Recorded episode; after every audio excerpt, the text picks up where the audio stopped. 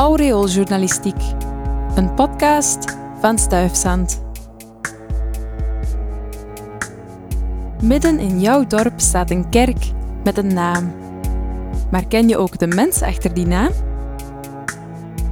Vandaag vertelt Gert Melis-Maas je het verhaal van de heilige Bavo, die in de katholieke kerk gevierd wordt op 1 oktober. Van schurk naar sint. Vandaag is het Bamis. Weet je wat dat is? Het woord Bamis komt van Sint Baafsmis, de feestdag van de heilige Bavo. Die luidt het begin in van de Bamistijd, de herfst. Sint Bavo, die geboren werd in de zesde eeuw, heette oorspronkelijk Allowin. Allowin was een woeste adellijke jongeling uit Luik, die overal berucht was. Hij deed niets anders dan ruzie maken, vechten en jagen met zijn valk. Vandaar dat hij patroonheilige werd van de valkeniers. Hij vocht in bloederige oorlogen en behoorde tot de elite van zijn tijd. Hij trouwde met een lieve vrouw en ze kregen een dochter. Maar zelfs het gezinsleven kon de losgeslagen Alowin niet op de weg naar God brengen. Toen zijn vrouw stierf, stortte zijn wereld in elkaar. Zijn leven had schijnbaar geen enkele zin meer. Na een ontmoeting met de heilige Amandus, wiens verhaal je kon horen in de podcast van 6 februari, ging hij op zoek naar een ander, deugdzamer leven. Zo trad hij in in de Gentse Sint-Pietersabdij, kreeg daar de naam Bavo en gaf al zijn wereldse bezittingen op om zijn leven aan God te wijden. In plaats van te strijden in politieke oorlogen, bevocht hij voortaan het kwaad, vooral in zijn eigen leven.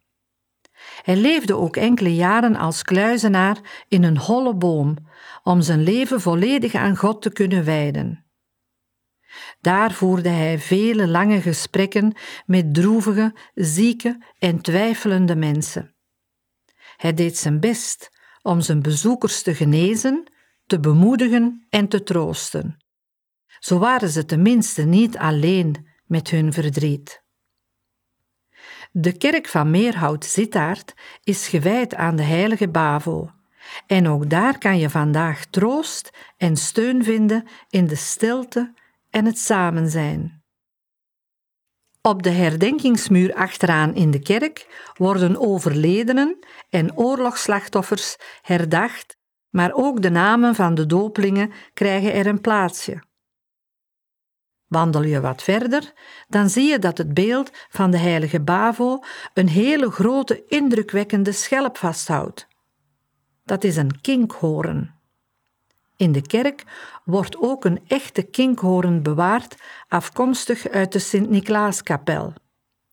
En uit die schelp, die bijna even groot is als een kinderhoofd, kregen de kinderen vroeger te drinken als bescherming tegen kinkhoest. Zowel de heilige Bavo als Sint-Niklaas van Tolentijn werden aangeroepen tegen deze luchtwegziekten. Bavo is ook de patroonheilige van de goede oogst. Met zijn voorspraak kon iedereen met voldoende voorraad de herfst in.